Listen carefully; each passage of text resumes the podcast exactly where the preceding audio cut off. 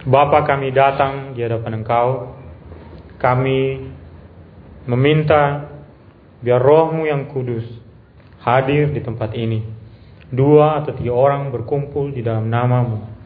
Engkau ada, engkau hadir. Bapak terima kasih bahwa engkau mengundang, engkau memanggil, bahkan engkau bukan hanya memanggil dan mengundang, engkau berteriak Tuhan kepada setiap orang yang sedang di dalam kekeringan, kehausan. Engkau berkata, mari kau yang haus dan lapar. Mari kau yang merindukan kepuasan yang sejati. Mari datang, mari percaya kepada Tuhan Yesus. Dan mari minum air kehidupan dari batu karang kehidupan yaitu Yesus Kristus. Bapa biar firmanmu Tuhan menetap di dalam hati kami. Firmanmu Tuhan berbuah Tuhan di dalam kehidupan kami. Kami minta anugerah yang daripada Engkau. Penuhi kami Tuhan dengan kasih-Mu Tuhan. Penuhi kami Tuhan dengan keinginan untuk mencari Engkau Tuhan di dalam kehidupan kami. Terima kasih Tuhan kami minta Tuhan tuntunan rohmu yang kudus Tuhan saat ini. Bicara kepada kami Tuhan. Buka pikiran kami. Buka telinga kami Tuhan supaya kami mendengarkan Tuhan firman. Di dalam nama Tuhan Yesus kami berdoa kepada Bapa di sorga. Amin. Yohanes pasal yang ketujuh ayat yang ke-37 sampai ayat yang ke-52. Air sumber hidup. Dan pada hari terakhir, yaitu pada puncak perayaan itu, Yesus berdiri dan berseru, Barang siapa haus, baiklah ia datang kepadaku dan minum.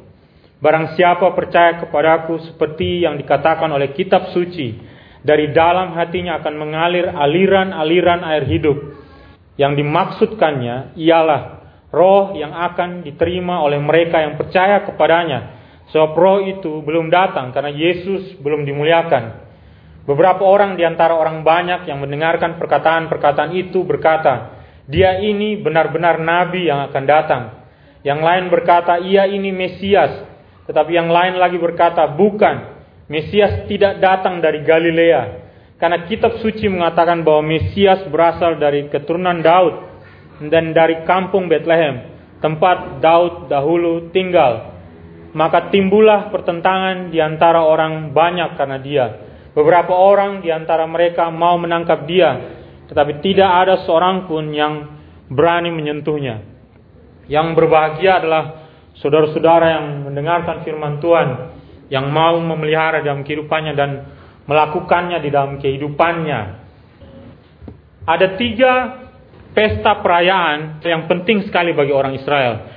Pertama itu ada Paskah, kemudian ada Pentakosta, dan yang ketiga itu adalah hari raya Pondok Daun atau Tabernakel. Saudara-saudara bisa buka dulu di Imamat pasal yang ke-23 ayat yang ke-40 sampai 45 supaya saudara-saudara mengerti apa sih itu perayaan Pondok Daun kamu harus merayakannya sebagai perayaan bagi Tuhan tujuh hari lamanya dalam setahun.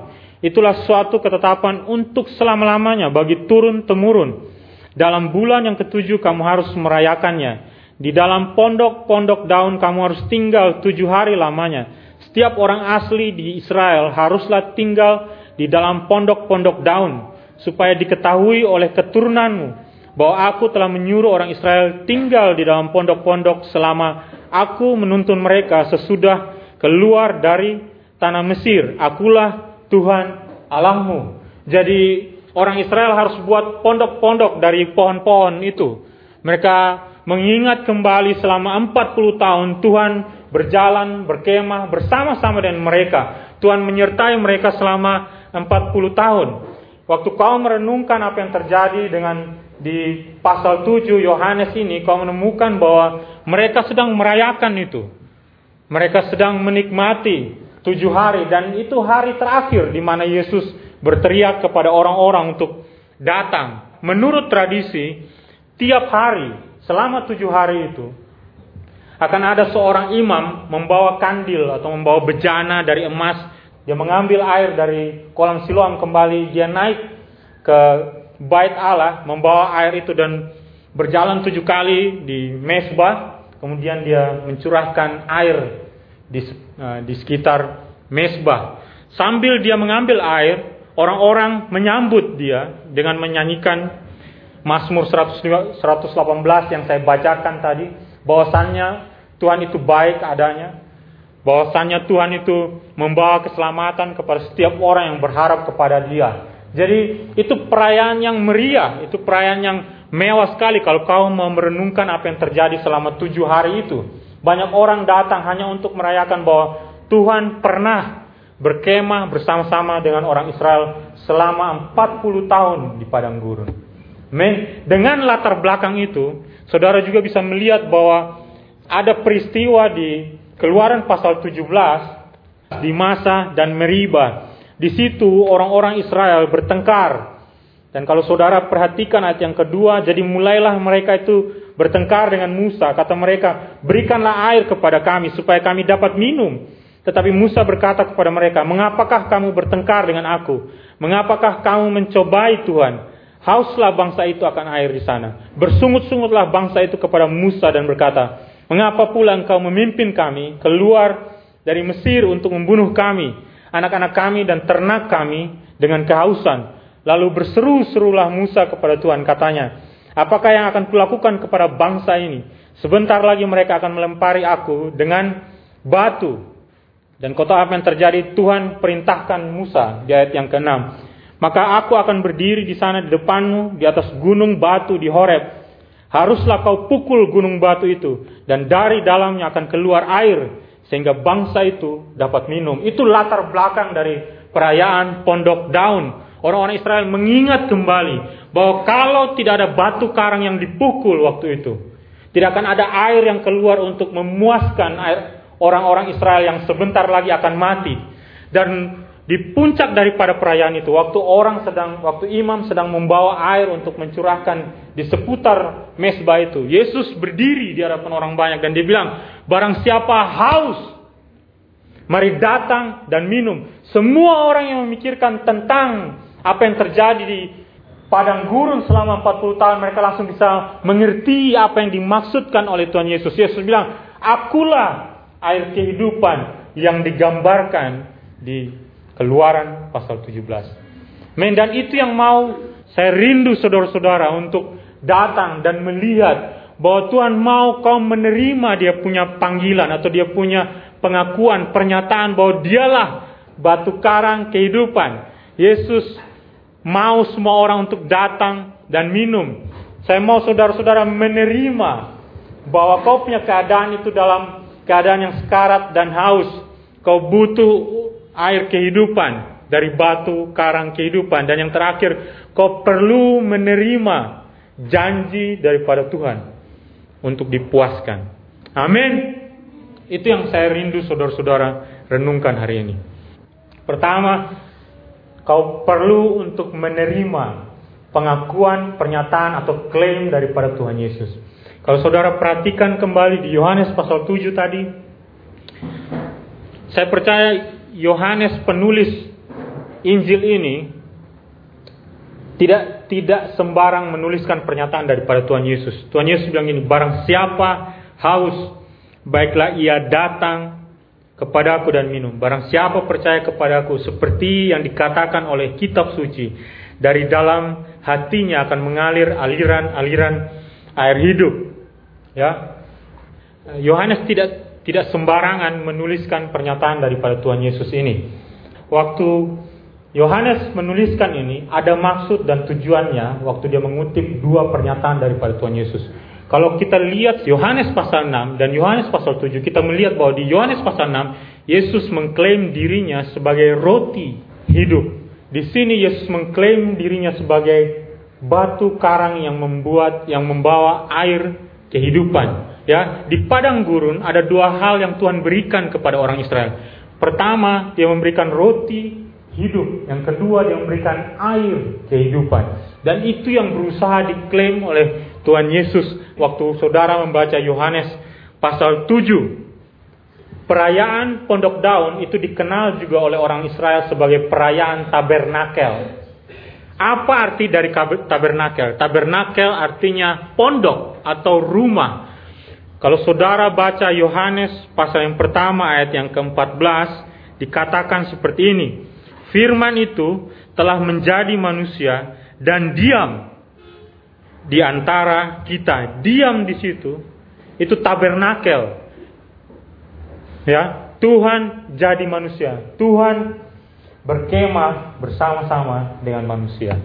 Kau tidak pernah menemukan Allah lain yang melakukan hal seperti itu. Atau tidak pernah ada dalam sejarah Tuhan jadi manusia. Tuhan berkemah bersama-sama dengan manusia. Tapi 40 tahun di dalam perjalanan orang Israel. Mereka terus menerus melihat Tuhan ada berkemah di sana. Jauh sebelum bait Allah ada, Tuhan ada bersama-sama dengan orang-orang Israel. Berjalan bersama-sama dengan mereka. Tiang awan dan tiang api. Dan Tuhan bisa bertemu dengan mereka kapan saja.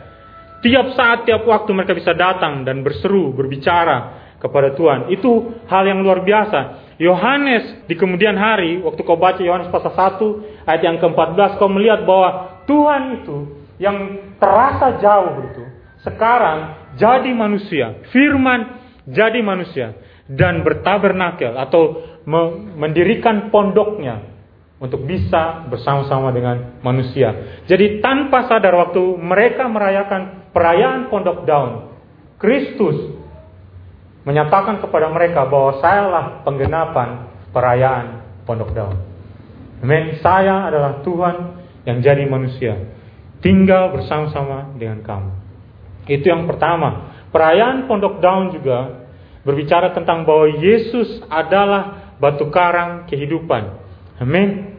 Kalau saudara baca, ada yang dikatakan oleh Paulus di 1 Korintus pasal 10 ayat yang ke keempat dan mereka semua minum minuman rohani yang sama. Ini dia lagi bicara tentang orang Israel.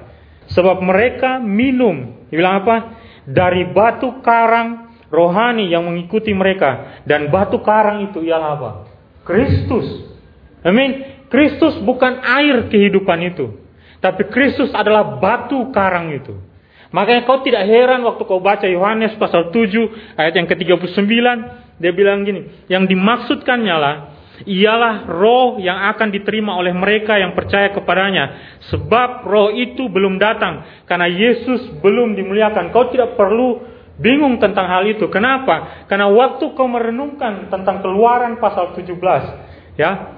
Bagaimana air itu bisa mengalir? Bagaimana air itu bisa muncul?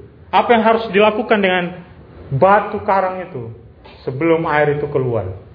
Kau harus pukul itu batu karang, baru air itu mengalir. Amin. Dan itu pula yang harus terjadi dengan Tuhan Yesus. Dia harus dimuliakan. Apa maksudnya dia dimuliakan? Dia pun harus mengalami hal yang sama. Dan seperti batu karang di keluaran pasal 17. Dia pun harus dipukul. Dia pun harus apa? Disalibkan. Dia pun harus mati. Baru setelah itu. Dikuburkan. Dibangkitkan Hari yang ke-10 setelah dia naik ke surga baru dicurahkan itu yang namanya air kehidupan atau roh itu kepada setiap orang yang percaya dan mau datang. Setiap orang yang mau mengakui, mau menerima pernyataan Yesus bahwa akulah batu karang kehidupan. Amin. Sampai sini kau paham maksud saya. Kristus mengklaim dirinya sebagai batu karang kehidupan. Dan semua orang yang percaya, semua orang yang datang kepadanya akan memperoleh air kehidupan. Men, hari ini kau tidak perlu menunggu dulu Tuhan Yesus harus mati di kayu salib karena Yesus sudah mati di kayu salib dan dia siap untuk mencurahkan rohnya yang kudus atau roh Tuhan itu kepada setiap orang yang mau datang dan percaya kepada dia. Amin. Terhadap pernyataan daripada Tuhan Yesus ini ada enam reaksi yang bisa saudara lihat. Pertama, ada orang yang mulai yakin bahwa Yesus itu adalah nabi yang akan datang. Itu di ayat yang ke-40. Mereka bilang beberapa orang di antara orang banyak yang mendengarkan perkataan-perkataan itu. Perkataannya Yesus. Berkata, dia ini benar-benar nabi yang akan datang. Itu reaksi orang pertama. Reaksi kelompok yang kedua, ini lebih luar biasa. Mereka langsung yakin sekali bahwa Yesus itu Mesias apa yang dia katakan itu betul adanya bahwa dialah batu karang kehidupan. Kalau kau datang, kalau kau percaya, kau akan memperoleh air kehidupan. Tapi ada orang yang juga berkata, kelompok yang ketiga, mereka langsung bilang, Yesus itu bukan Mesias. Yesus dari Galilea. Tidak mungkin ada Mesias datang dari Galilea. Men menolak mentah-mentah. Kelompok yang keempat itu saudara bisa lihat ayat 45 dan ayat yang ke-46. Maka penjaga-penjaga itu pergi kepada imam-imam kepala dan orang-orang Farisi yang berkata kepada mereka, "Mengapa kamu tidak membawanya?" Jawab penjaga-penjaga itu, "Belum pernah seorang manusia berkata seperti itu." Itu orang-orang yang kagum. Mereka disuruh untuk menangkap Yesus, tapi waktu mereka mendengar klaim daripada Tuhan Yesus, mungkin mereka sudah hadir di situ sejak dari awal perdebatan. Mereka bilang, "Tidak ada orang yang ngomong seperti ini." Belum pernah kami menemukan. Dan mereka, karena mereka mendengarkan apa yang dikatakan oleh Yesus, mereka sanggup untuk mengatakan kepada pemimpin, bagaimana mungkin kita bisa tangkap ini orang. Terlalu luar biasa dia. Men, kalau kau seorang prajurit, seorang memerintahkan kepada kau, apa yang harus kau lakukan? Lakukan. Tapi waktu mereka bertemu dengan Tuhan Yesus, bahkan perintah dari pimpinan pun tidak bisa mengalahkan kekaguman mereka melihat pribadi yang berbicara. Sampai pemimpin-pemimpin itu bilang, adakah kamu disesatkan? Orang-orang Farisi, pemimpin-pemimpin itu tidak bisa melihat dengan dengan mata yang jelas. Yang ini orang berbeda daripada yang lain. Saya rasa kalau saudara-saudara pun duduk bersama-sama atau datang bersama-sama dengan prajurit-prajurit, kau punya resiko. Kalau kau mengagumi Yesus, kemungkinan besar resikonya kau, kau akan dianggap sebagai orang yang sesat, atau kau akan dianggap sebagai orang yang membangkang terhadap perintah daripada kau punya atasan. Tapi karena kekaguman itu membuat kau siap untuk bilang apa pun yang kau perintahkan ini orang jauh berbeda. Saya sanggup untuk menentang kau punya perintah. Paham tidak maksudnya?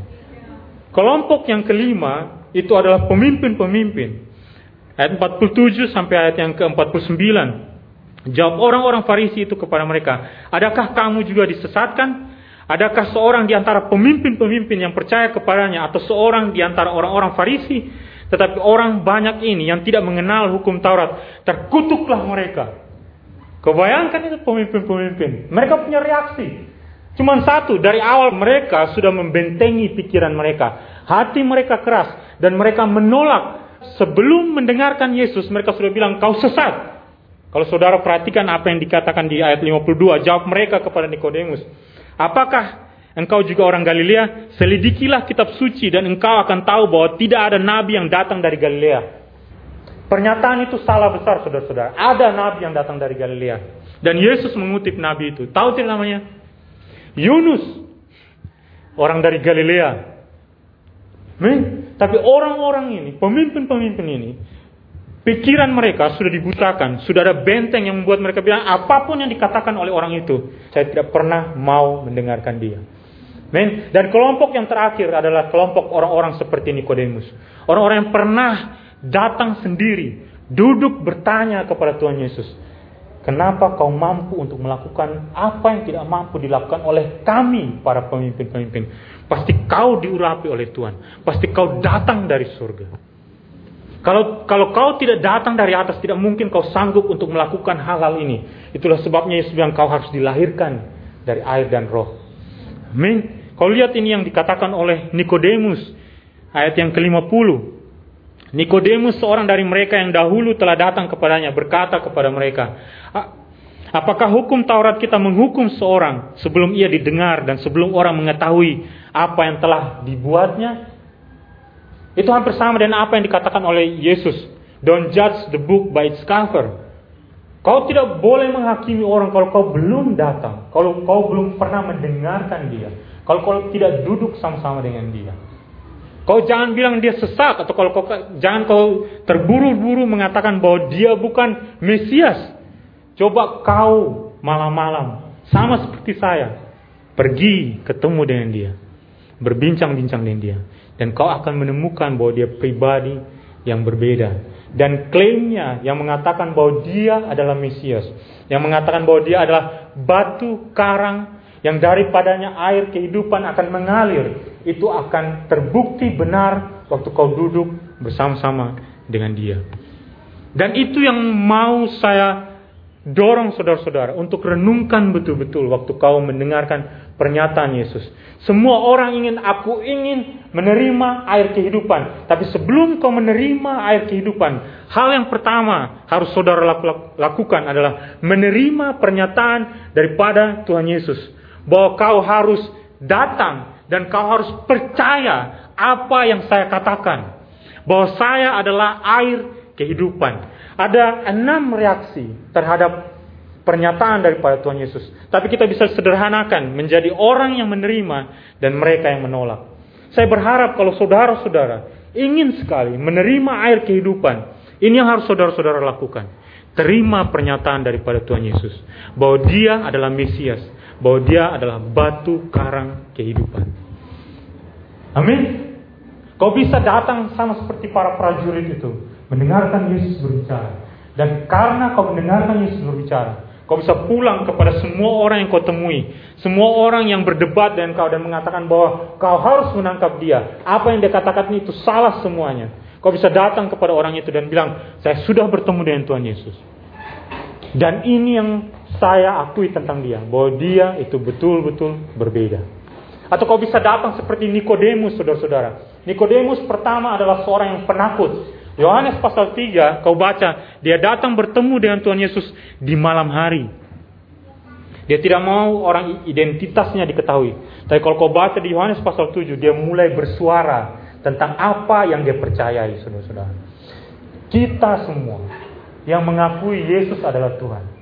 Kebanyakan daripada kita. Saya bilang kalau kau ingin memperoleh air kehidupan, kau tidak boleh takut untuk menyatakan apa yang kau percayai, apa yang kau yakini. Banyak orang yang bilang saya percaya Tuhan Yesus, tapi tidak banyak orang yang mau seperti Nikodemus. Nikodemus sendirian berhadapan dengan pemimpin-pemimpin. Sanhedrin itu ada sekitar 72 orang. Dia sendirian di situ dan dia bilang, kau harus dengarkan itu orang. Saudara-saudara, kau punya kelas itu sekitar 40 atau ya sekitar 40 orang. Kau termasuk orang yang berani tidak untuk menyatakan bahwa ini salah dan ini tidak. Ini benar dan ini tidak. Sama seperti kemarin waktu Itak kesaksian di depan sini. Guru-guru bilang, sudah mark up aja dia punya bantuan itu.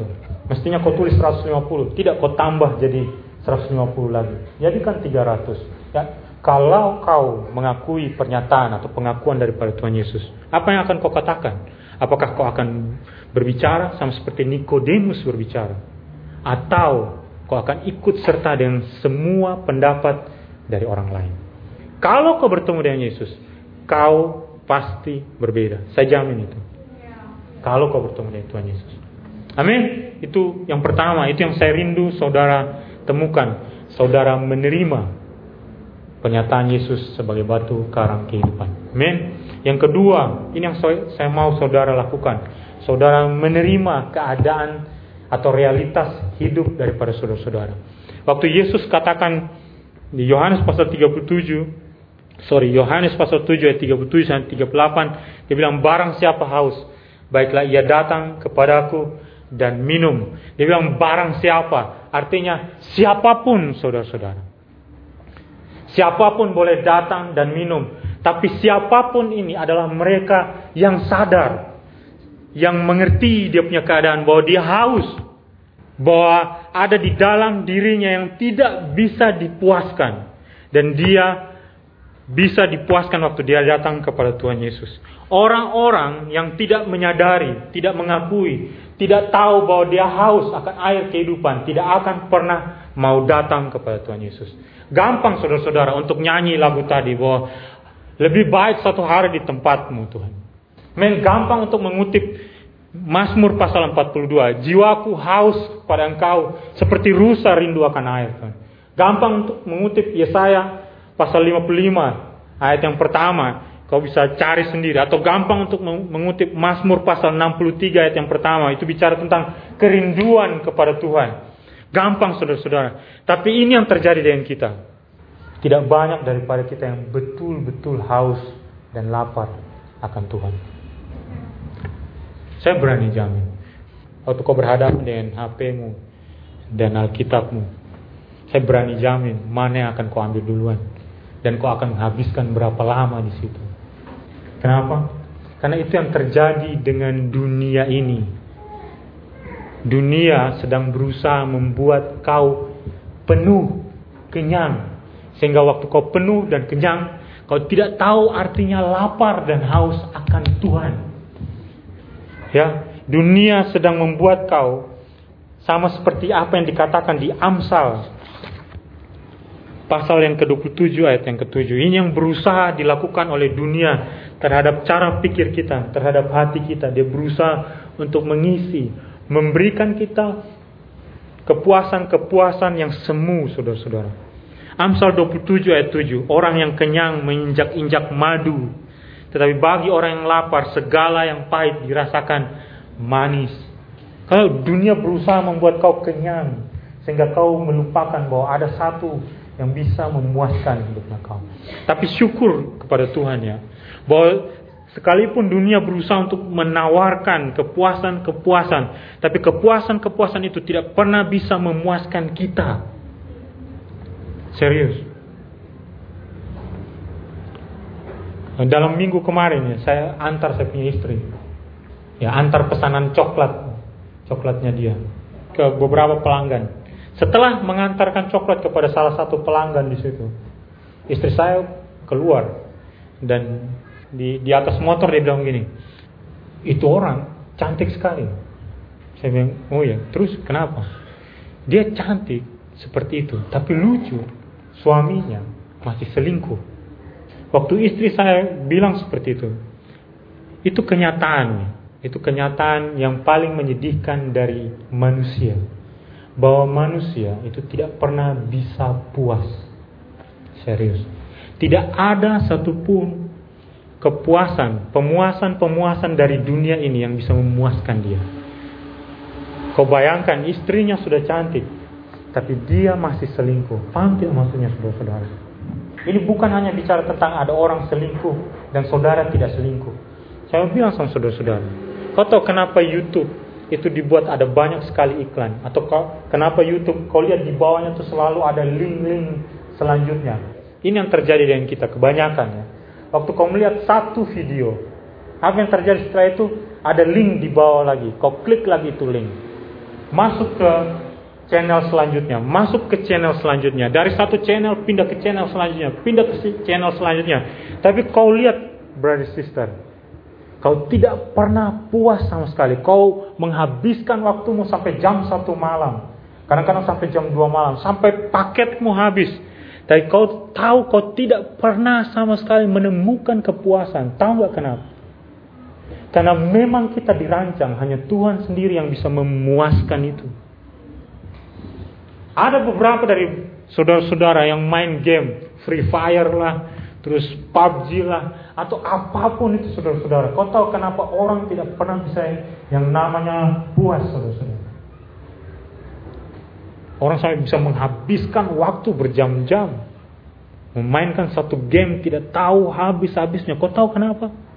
Karena itu yang berusaha dilakukan oleh dunia ini. Dia berusaha untuk membuat kau terikat dengan dia. Padahal itu kepuasan yang palsu saudara-saudara. Kau akan menemukan di ujungnya bahwa Game ini tidak pernah bisa memuaskan saya. Perempuan ini tidak pernah bisa memuaskan saya. Nih, kau butuh ada yang lebih daripada game, lebih daripada perempuan, lebih daripada apa pun di dunia ini, saudara-saudara. Kau tahu apa? Kristus, batu karang kehidupan. Makanya Yesus bilang gini, dia berteriak di tengah ritual agama yang mematikan. Kau tahu, tiap tahun Tiap tahun mereka melakukan hal yang sama. Putarin mesbah tujuh kali. Tiap tahun melakukan perayaan. Tujuh hari pesta. Tapi mereka tidak pernah puas sama sekali saudara-saudara. Ya saya bilang, kalau kau lakukan ini terus menerus. Kau mati saudara-saudara. Kau sekarat kau punya keadaan. Kau akan begini terus dan kau tidak akan pernah menemukan kepuasan sejati agamamu akan menjadi mati, saudara-saudara. Sama juga kalau kau datang di sini tanpa ada keinginan akan Tuhan, saudara-saudara. Pertemuan ini adalah pertemuan yang mati juga, saudara-saudara. Kalau kau tidak menemukan Kristus sama sekali dalam kehidupannya kau. Saya bilang saudara-saudara. Kau tidak akan pernah dipuaskan sama sekali. Kecuali kau datang kepada Kristus. Amin. Kau bisa lihat kanan kiri. Orang kanan kirimu tidak akan pernah bisa memuaskan kau. Saya berani jamin sama kau. Kau tidak akan pernah dipuaskan. Ada orang tidak bisa lepas daripada mabuk. Tahu nggak kenapa? Karena dia lagi mencari pemuasan saudara-saudara. Dari satu tegukan kepada tegukan yang lain. Orang bilang satu satu sloki tambah darah. Dua sloki banyak bicara. Satu botol tumpah darah. Tiga botol masuk penjara. Men, itu yang terjadi. Semakin kau masuk di dalam jerat ini, kau tidak bisa keluar sampai kau menyadari bahwa kau itu sekarat. Sama seperti orang Israel di padang gurun. Mereka berseru, berikan kami air. Kami terputar di sini. Kalau tidak kami akan mati. Tuhan bilang, pukul itu batu karang. Dari situ akan ada air dan waktu mereka minum, mereka dipuaskan dan mereka tidak jadi mati setelah itu. Waktu orang Israel melakukan pondok perayaan, perayaan pondok daun, mereka mengingat kembali keluaran pasal 17. Tuhan pernah memberikan air yang membuat nenek moyang kita masih hidup sehingga kita masih ada sampai hari ini. Dan Yesus bilang, nenek moyangmu diberikan air itu. Hari ini saya berdiri di hadapan kalian. Kau melakukan ritual yang akan mati juga, kau sekarat juga. Mari datang kepadaku, mari minum. Mari disegarkan. Mari terima kehidupan. Amin. Oh, ada dua hal yang Tuhan katakan kepada mereka. Selain dia bilang, kalau kau menyadari kau punya keadaan, rendahkan dirimu. Bertindak hari ini. Kenapa Tuhan bilang rendahkan? Datang, bukan Tuhan yang datang cari kau. Kau yang datang ke sini. Terus kemudian Tuhan bilang apa? Minum. Tuhan tidak bilang saya suapin kau, saya kasih minum kau. Tuhan saya haus, saya haus, saya haus. Tidak ambil itu air, minum, saudara-saudara. Kebanyakan daripada kita, doakan saya, biar saya bisa bersemangat mengikut Tuhan. Kenapa saya tidak pernah bisa bersemangat membaca Alkitab? Cuma satu, rendahkan dirimu, datang kepada Tuhan, berseru kepada Tuhan, dan minum daripada air kehidupan. Kau bisa apa yang kau lakukan waktu kau, kau harus memilih antara YouTube dan firman Tuhan. Apa yang harus kau lakukan? Matikanlah HPmu, sederhana. Rendahkan dirimu di hadapan Tuhan. Tuhan saya kering Tuhan. Aku butuh air kehidupan. Datang, berlutut bila perlu. Menangis di hadapan Tuhan. Kalau sampai hari ini kau kering. Berseru kepada dia. Tuhan kering ini. Mati ini. Sekarat ini rohaninya saya. Kasih mati kau punya HP. Bila perlu buang itu jauh-jauh. Beli baru. Amin. Tapi ini harus kau lakukan. Men, tidak akan pernah ada yang namanya kau minum kalau kau tidak buang semuanya. Yang mengikat kau, yang membuat kau apa? kenyang dengan dunia ini. Orang yang kenyang akan apa? Menginjak-injak madu. Tapi bagi orang lapar. Jangankan madu, yang pahit pun kau berikan, paria pun dia telan. Benar firman Tuhan. Benar.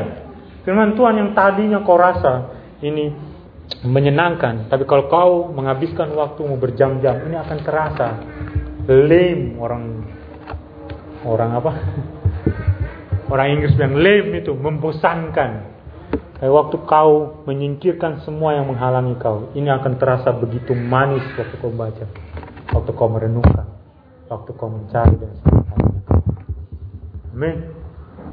Ya kau tidak akan pernah bisa merasakan yang namanya haus dan lapar kalau kau membiarkan dunia ini berusaha untuk memuaskan kau. Serius. Kisah-kisah orang yang jatuh dalam pornografi itu sederhana. Dia mulai dari hal-hal yang sederhana. Dari nonton dulu, nonton YouTube yang tidak ada hubungannya sama sekali dengan pornografi. Perlahan-perlahan, perlahan-perlahan, kemudian akhirnya dia sampai kepada tujuannya. Serius? Itu berlaku bagi semua. Karena kau terus menerus mencari yang namanya apa? Kepuasan. Men, itu yang kedua. Kau harus menerima kau punya kenyataan. Bahwa kau sedang sekarat, kau haus. Dan ini yang harus kau lakukan. Rendahkan dirimu. Datang kepada Tuhan Yesus. Dan minum. Saya boleh kasih kau air gelas ya, bagi orang yang sedang sekarat kematian. Hampir mendekati kematian. Taruh di depannya dia. Tapi selama dia tidak ambil dan dia minum, dia akan tetap mati. Men, ini nih ada di sampingnya kau. Bahkan di HPmu tuh ada aplikasi Alkitab. Tapi apa yang harus kau lakukan? buka itu, baca.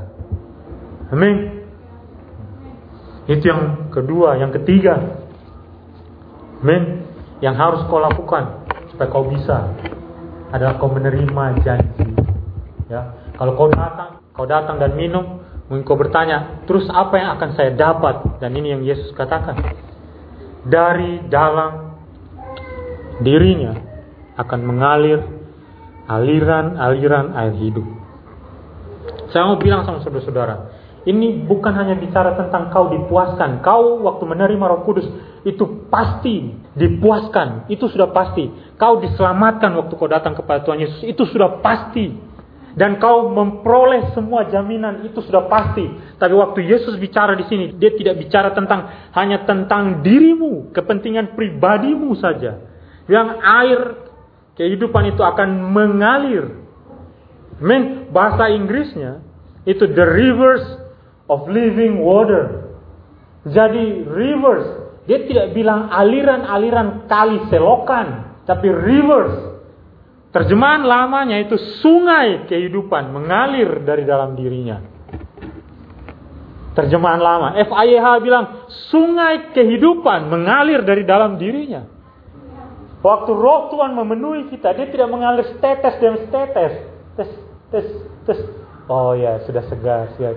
Bukan hanya untuk dirimu, dia bilang rivers. Paham tidak sungai? Sebelah sini, ini bukan sungai, ini masih dibilang kali. Rivers, sungai itu lebih luas daripada ini. Kau pergi, lihatlah Noel Mina, itu baru kita bilang sungai. Kau bisa tenggelam di bawahnya, itu yang dibilang sungai. Yesus bilang, barang siapa datang, barang siapa percaya, Bukan hanya minum untuk kepuasan dirinya sendiri. Tapi ini untuk sesuatu yang lebih besar waktu kau dipenuhi oleh roh kudusnya Tuhan. Ini bukan hanya untuk mengairi sawah pribadinya kau saja. Irigasi kecil di tempatnya kau. Bukan. Ini bukan mengisi kau punya kolam airnya kau supaya kau mandi. Bukan hanya itu saudara-saudara. Ini bukan hanya untuk isi kau punya akuarium supaya kau punya ikan dua ekor itu hidup.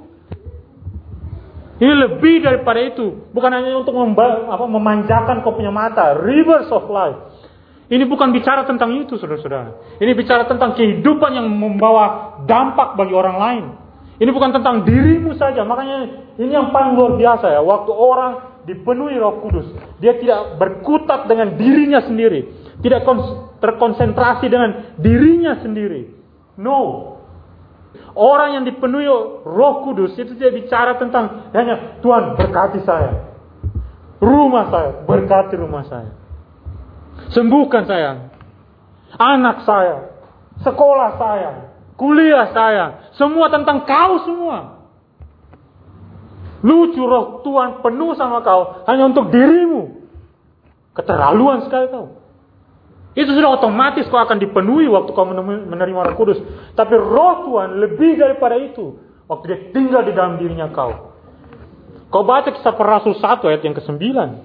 Ah, kisah 1 ayat 8. Tetapi kamu akan menerima kuasa. Kau lihat itu. Kalau roh kudus turun ke atas kamu. Dan kamu akan menjadi saksiku di Yerusalem, di seluruh Yudea, Samaria, dan sampai ke ujung bumi. Siapa yang bilang dia sudah dipenuhi oleh Roh Kudus?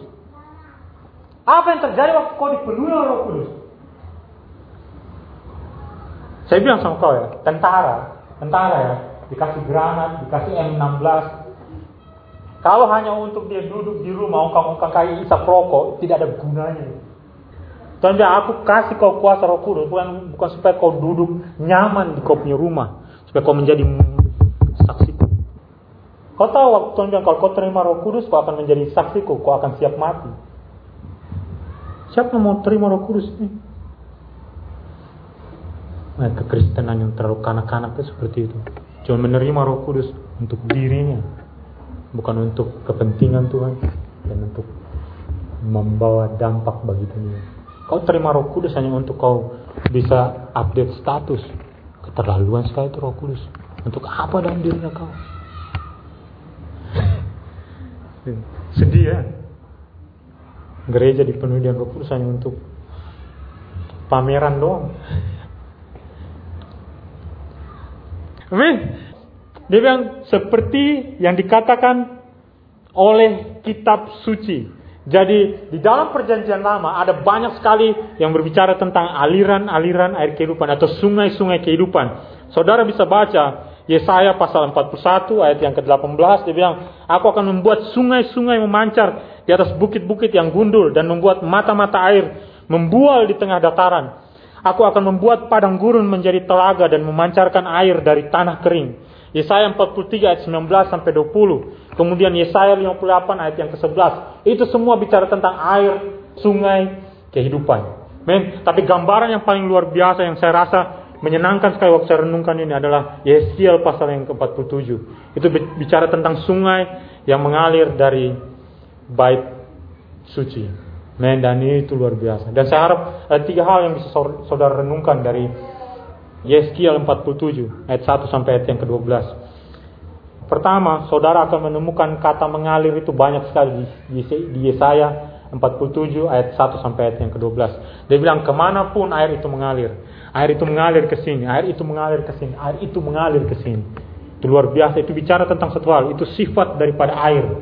Air itu tidak bisa tenang di dalam kolam, karena sifat daripada air dia akan mengalir terus dari tempat yang tinggi ke tempat yang rendah. Itu juga hukum, bukan hukum di dunia jasmani, tapi di dunia rohani. Roh Tuhan akan terus mengalir, saudara-saudara. Tidak ada yang bisa membatasi, tidak ada yang bisa bisa menahan roh Tuhan untuk terus mengalir. Amin. Sama seperti yang tadi saya bagikan, kisah para rasul 1 ayat 8. Kemudian kau bisa baca juga kisah para rasul 2 ayat yang ke-39. Sebab bagi kamulah janji itu dan bagi anak-anakmu dan bagi orang yang masih jauh yaitu sebanyak yang akan dipanggil oleh Tuhan Allah kita. Janji itu apa? Roh itu. Kalau kau baca ayat sebelumnya, ayat 38. Bertobatlah dan hendaklah kamu masing-masing beri dirimu dibaptis dalam nama Yesus Kristus untuk pengampunan dosamu, maka kamu akan menerima apa? Karunia, yaitu Roh Kudus. Men. Sebab janji itu, karunia itu, Roh Kudus itu bukan hanya untuk kau saja, saudara. Roh Kudus tidak menjadikan kau egois, hanya mikirkan dirimu. Roh Kudus akan membuat kau melihat bahwa janji ini tidak hanya buat saya. Untuk saya punya anak-anak, itu jasmaninya kau. Tapi kau juga bisa melihat bahwa anak-anak rohani saya, dan sejauh yang akan Tuhan panggil, masih banyak orang lagi saudara-saudara. Dan kalau kau lihat itu Yeskiel pasal 47 akan melihat bahwa air itu terus mengalir. Dia tidak pernah berhenti mengalir air itu. Saya berharap kau tidak menjadi sama seperti tahu tidak laut mati. Laut mati itu hanya menerima, menampung, menampung, menampung. Tidak pernah keluar, tidak pernah mengalir lagi. Apa yang terjadi? Mati, maka yang disebut laut mati kadar garamnya itu terlalu tinggi sehingga tidak bisa membuat tidak tidak bisa makhluk hidup hidup di dalamnya. Kau tahu kehidupan rohanimu kalau tidak kau biarkan mengalir mati kau. Kalau tiap hari kau punya datang, kau punya pekerjaan hanya datang pertemuan, datang pertemuan, minta didoakan, minta didoakan. Terus menerus, terus menerus seperti itu, apa yang terjadi dengan kau?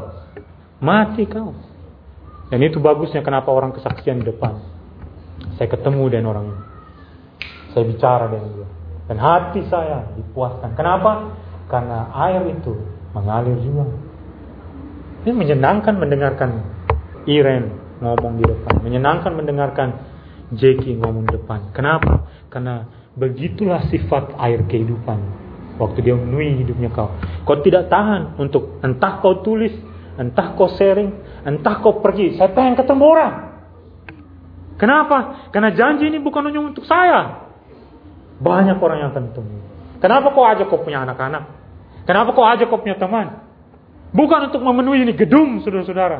Percuma kita punya pekerjaan kalau hanya memenuhi ini gedung. Tidak, supaya setiap orang puaskan, menerima daripada Tuhan air kehidupan itu. Saya tidak lagi propaganda dengan kau. Promosikan ini gereja. Gak, gak ada gunanya saudara-saudara. Tapi kau lihat ya waktu roh Tuhan memenuhi seorang. Kau tidak perlu yang promosikannya. No. Aku pengen ketemu orang. Aku pengen bicara dengan orang. Sekarang pertanyaan kau bisa lihat kan Di mana itu? Kerinduan itu. Di mana? Kerinduan untuk beritakan. Sampaikan. Aku sudah tidak tahan lagi Tuhan. Sama seperti perkataan Yesaya atau Yeremia. Di dalam ini seperti api yang membara, membakar setiap tulang-tulang ini. Tidak sanggup lagi untuk menahannya. Aku harus cerita sama seseorang. Karena roh Tuhan itu tidak mungkin dia diam. Dia bilang dinamis. Saya tidak mau bilang itu dinamit. Dinamit itu bikin hancur orang. Dinamis artinya dia aktif. Dia ber, dia bekerja, dia melakukan sesuatu dia waktu dia menulis seorang. Itu roh Tuhan dan kau. Men, sudahkah kau dipenuhi oleh roh Tuhan?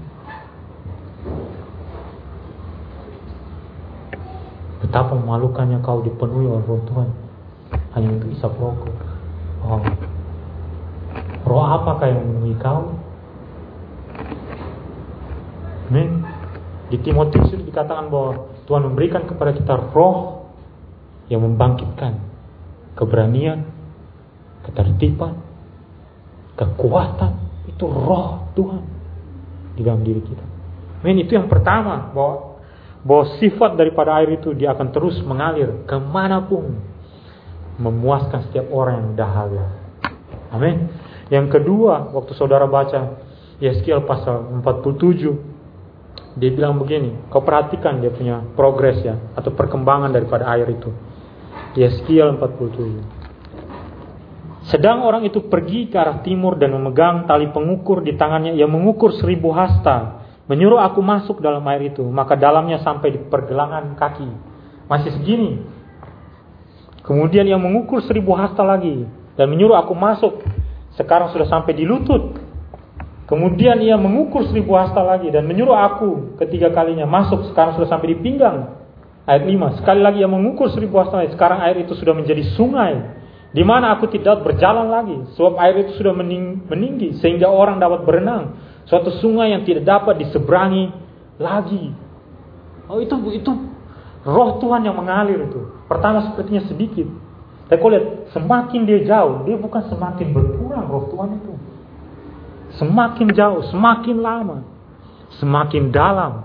Dan pada akhirnya kau tidak bisa melewati lagi itu. Itu bicara tentang sumber daya yang kau temukan waktu di dalam, waktu roh Tuhan tinggal di dalam kau. Ya, kau menemukan sumber daya yang tidak ada habis-habisnya waktu kau berjalan dengan Roh Kudus di dalam dirinya kau. Waktu Roh Tuhan memenuhi kau, saya bilang sama kau, harapannya kau tidak akan pernah bisa hilang waktu Roh Tuhan tinggal di dalam kau. Sukacitamu tidak bisa dimakan oleh apa pun, tidak bisa dicuri oleh apa pun. Kekuatanmu semakin kuat di dalam melayani Tuhan. Kau bisa baca itu Yesaya yang Orang-orang yang menanti-nantikan Tuhan akan kuat, berjalan tidak menjadi lelah, berlari tidak akan pernah kecapean sama sekali. Kau akan selalu menemukan kekuatan yang baru waktu kau melayani. Tidak ada kata capek dalam, oh saya capek sudah menginjil. Enggak. Roh Tuhan waktu menulis seorang, semakin lama kau berjalan dengan Tuhan. Kau tidak akan semakin capek loh untuk memberitakan Injil. Itu semakin senang sekali untuk memberitakan Injil. Karena semakin dalam kau punya hubungan dengan Tuhan. Semakin banyak yang ingin kau bagikan kepada orang. Oh, karena roh Tuhan. Karena roh Tuhan tinggal di dalam kau. Kau tahu, kau selalu punya kekuatan ya. Untuk mengampuni. Ada kekuatan yang besar untuk mengampuni. Walaupun awalnya kau tidak ada, aku rasa tidak bisa mengampuni. Tapi kan ada roh Tuhan Semakin lama semakin dalam di dalam dirinya kau. Kau punya kekuatan untuk apa? Mengampuni orang. Dulu sukar untuk mengampuni, tapi semakin kau bertinggal dalam Tuhan, semakin roh Tuhan berbicara sama kau, semakin rindu kau untuk ketemu dengan orang, untuk mengampuni mereka. Ada kekuatan yang kuat untuk mengatakan, saya mau maafkan kau. Ada kekuatan yang kuat untuk mengatakan, aku mengasihi kau. Itu yang kau, kau temukan waktu roh Tuhan itu tinggal dalam kau. Saya heran ada orang penuh dengan roh Tuhan, tapi tidak bisa mengampuni orang. Entah roh apa yang ada di dalam kau itu. Benar. Roh apa yang memenuhi kau? Kau silakan baca itu buah roh itu. Kasih, pengendalian diri. Ada kekuatan untuk mengendalikan diri. Semua kawan-kawannya kau bilang, come on, mari minum sama saya. Ada kekuatan dari dirinya kau yang bilang, kau bisa bilang sama kau kawan, tidak. Ada kekuatan yang kuat sekali. Orang bilang, sudahlah, bagilah sedikit. Apa yang kau dapat? Nomor tujuh, apa jawabannya? Enggak, kau akan berani kan? Lihat ke dia dan minta maaf itu saya kasih engkau. Saya pernah ujian seperti itu. Walaupun saya tidak, saya sudah mengerjakan saya punya soal. Teman di belakang. Pertama saya gubris dia. Terakhir saya lihat ke belakang, saya tatap matanya. Saya, sorry saya tidak bisa kasih engkau. Di tengah ujian. Sorry, saya tidak bisa kasih engkau. Kerjakan sendiri. Belum tentu juga saya punya jawaban benar itu masalahnya. Kenapa kau harus jiplak saya punya jawaban? Itu. Saya lihat dia, saya bilang tidak, saya tidak kasih engkau. Walaupun dia teman baik. Tidak, ujian saya tidak kasih engkau. Keluar dari ujian, saya keluar duluan ujian itu. Saya tunggu dia di depan di depan pintu. Waktu dia keluar dari ruangan ujian, maksudnya dalam, keadaan stres, mungkin dia tidak bisa jauh semua. Dia, dia lihat saya. Cuma saya bilang, sini dulu saya ngomong sama kau. Saya minta maaf, saya tidak bisa kasih jawaban. Itu ujian. Sejak waktu itu dia tahu setiap kali ujian, saya tidak bisa minta itu orang.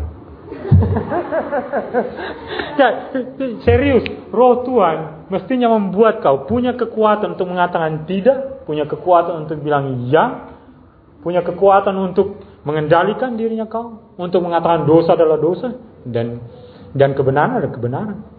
Kalau roh Tuhan memenuhi kau. Amin. Manifestasinya itu jelas dalam hidupnya kau. Amin. Saya lucu kalau kau penuh, dipenuhi dengan roh, roh Tuhan.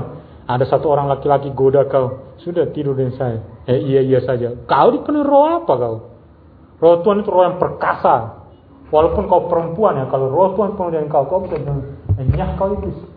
Itu setan yang datang itu. Jangan bilang itu kau punya nyong yang paling ganteng. Setan yang datang itu. Keluar kau dari sini. Benar. Gak ada tuh laki-laki baik yang bilang tidur dengan saya. Itu setan itu. Iya, ketawa. Serius. Benar setan sama kau. Ada tidak laki-laki baik yang mati tidur dengan saya. Setan itu. Gak ada laki-laki baik itu. Laki-laki terhormat tidak akan melakukan hal yang bodoh seperti itu. Bodoh dan jahat seperti itu. Amin. Semua laki-laki bilang amin. Ya saya, saya serius saudara-saudara. Ada kekuatan yang tak terbatas waktu orang dipenuhi oleh rohnya Tuhan. Nggak ada yang bisa mencuri sukacitanya kau. Amin. Ada kekuatan untuk sabar, ada kekuatan untuk mengendalikan diri, ada kekuatan untuk mengasihi. Dan itu tidak bisa berhenti. Karena roh Tuhan menikah. Yang terakhir, kalau kau perhatikan aliran air hidup itu, ke mana saja dia mengalir ya. Lihat ayat yang ke tujuh. Dalam perjalanan pulang, sungguh sepanjang tepi sungai itu ada banyak pohon. Di sebelah sini dan sebelah sana. Ia berkata kepada sungai ini mengalir menuju wilayah timur. Menurun ke arah Yordan dan bermuara di laut asin. Air yang mengandung banyak garam. Dan air itu menjadi apa? Tawar. Uh, itu luar biasa. Sehingga ke mana saja sungai itu mengalir, segala makhluk hidup yang berkeriapan di sana akan hidup. Ikan-ikan menjadi sangat banyak. Sebab ke mana saja air itu sampai sampai air laut di situ menjadi tawar. Dan ke mana saja sungai itu mengalir, semuanya di sana hidup. Itu roh Tuhan itu. Roh Tuhan itu membawa perubahan. Kau bayangkan air yang asin menjadi tawar. Tempat yang sebelumnya tidak ada kehidupan menjadi hidup. Ikan menjadi banyak. Pohon-pohon tumbuh di sepanjang air itu mengalir. Itu roh Tuhan. Waktu menulis sore. Hidupmu yang asin ya. Tidak menyenangkan itu hidup. Menjadi nikmat sekali. Kok, kok gampang ya bisa melewati hidup yang susah ini. Tapi bisa tetap ada sukacita. Kenapa? Roh Tuhan itu. Membuat hidup itu, iya kau bilang ini hidup yang tidak menyenangkan, tapi ini hidup yang sangat menyenangkan. Kenapa? Karena roh Tuhan ada di dalam sini. Amin. Ikan-ikan banyak sekali, kau bayangkan ada kehidupan ke mana saja air itu pergi. Amin. Sekarang coba kau renungkan baik-baik. Sudahkah roh Tuhan memenuhi saya. Kalau roh Tuhan sudah memenuhi saya, hidup saya berubah tidak? Ada tidak orang bisa melihat di dalam kehidupan saya? Kau bisa bayangkan? sepanjang dia pulang dia melihat oh ada kehidupan sepanjang aliran air hidup ini. Amin. Coba lihat kembali kau punya hidup. Ada kehidupan tidak yang saya sentuh dan orang itu berubah. Ada aliran air hidup mengalir dalam lewat hidup saya. Amin, saudara-saudara. Ini saya tutup. Kalau kau perhatikan apa yang Yesus lakukan. Pada masa itu, tahu tidak saudara-saudara, para rabi itu mengajar itu duduk. Tapi ini yang Yesus lakukan. Ayat yang ke-37, pada puncak perayaan itu, Yesus apa? Berdiri dan berseru. Itu bukan hanya berseru, berteriak karena terlalu ramai perayaan itu. Barang siapa haus, mungkin lebih kencang daripada yang saya katakan. Mari datang dan minum. Yesus yang bangkit berdiri dan memanggil orang. Kau bayangkan itu. Mestinya saudara-saudara, yang membutuhkanlah yang berteriak, Tuhan berikan saya air kehidupan, berikan saya keselamatan, berikan saya kehidupan yang kekal. Tapi kita tidak pernah melakukan itu. Betul tidak saudara-saudara? Kita tidak pernah datang dan mencari Tuhan. Tapi Tuhan ya, harus berdiri, menarik perhatian semua orang, datang kepada saya. Kau itu haus, kau itu kelaparan, kau itu sebentar lagi mati. Datang saudara-saudara. Itu tidak dilakukan oleh para rabi. Itulah luar biasanya kita punya Tuhan. Kita tidak pernah memilih memilih Tuhan. Kita tidak pernah memilih berikan saya air kehidupan. Tuhan yang menawarkan itu kepada kita. Bahkan Tuhan bilang, Tuhan memohon. Itu yang lucu ya. Kalau kau perhatikan, ini tidak enak, tapi ini yang luar biasa. Tuhan memohon kepada kau. Mari datang. Mari minum. Kau tuh mau mati kau. Kita memilih, kita ingin mati, kita ingin tidak, kita tidak memilih Tuhan, tapi Tuhan memohon, pilihlah saya, pilihlah air kehidupan. Kita memilih kegelapan, Tuhan bilang pilihlah terang. Kita mau terhilang, tapi Tuhan bilang aku tidak mau kau terhilang. Mari datang, mari minum, mari percaya kepada saya. Ada tiga hal yang harus kau lakukan. Terima pernyataan Tuhan Yesus, Dia batu karang kehidupan. Yang kedua, Terima kau punya keadaan, realitasnya kau bawa kau sekarang dan kau butuh air kehidupan. Terakhir terima janji Tuhan. Biarkan air itu mengalir dalam kehidupan kau. Amin. Mari kita bangkit berdiri. Mari kita berseru kepada Tuhan. Mari kita meminta kepada Tuhan.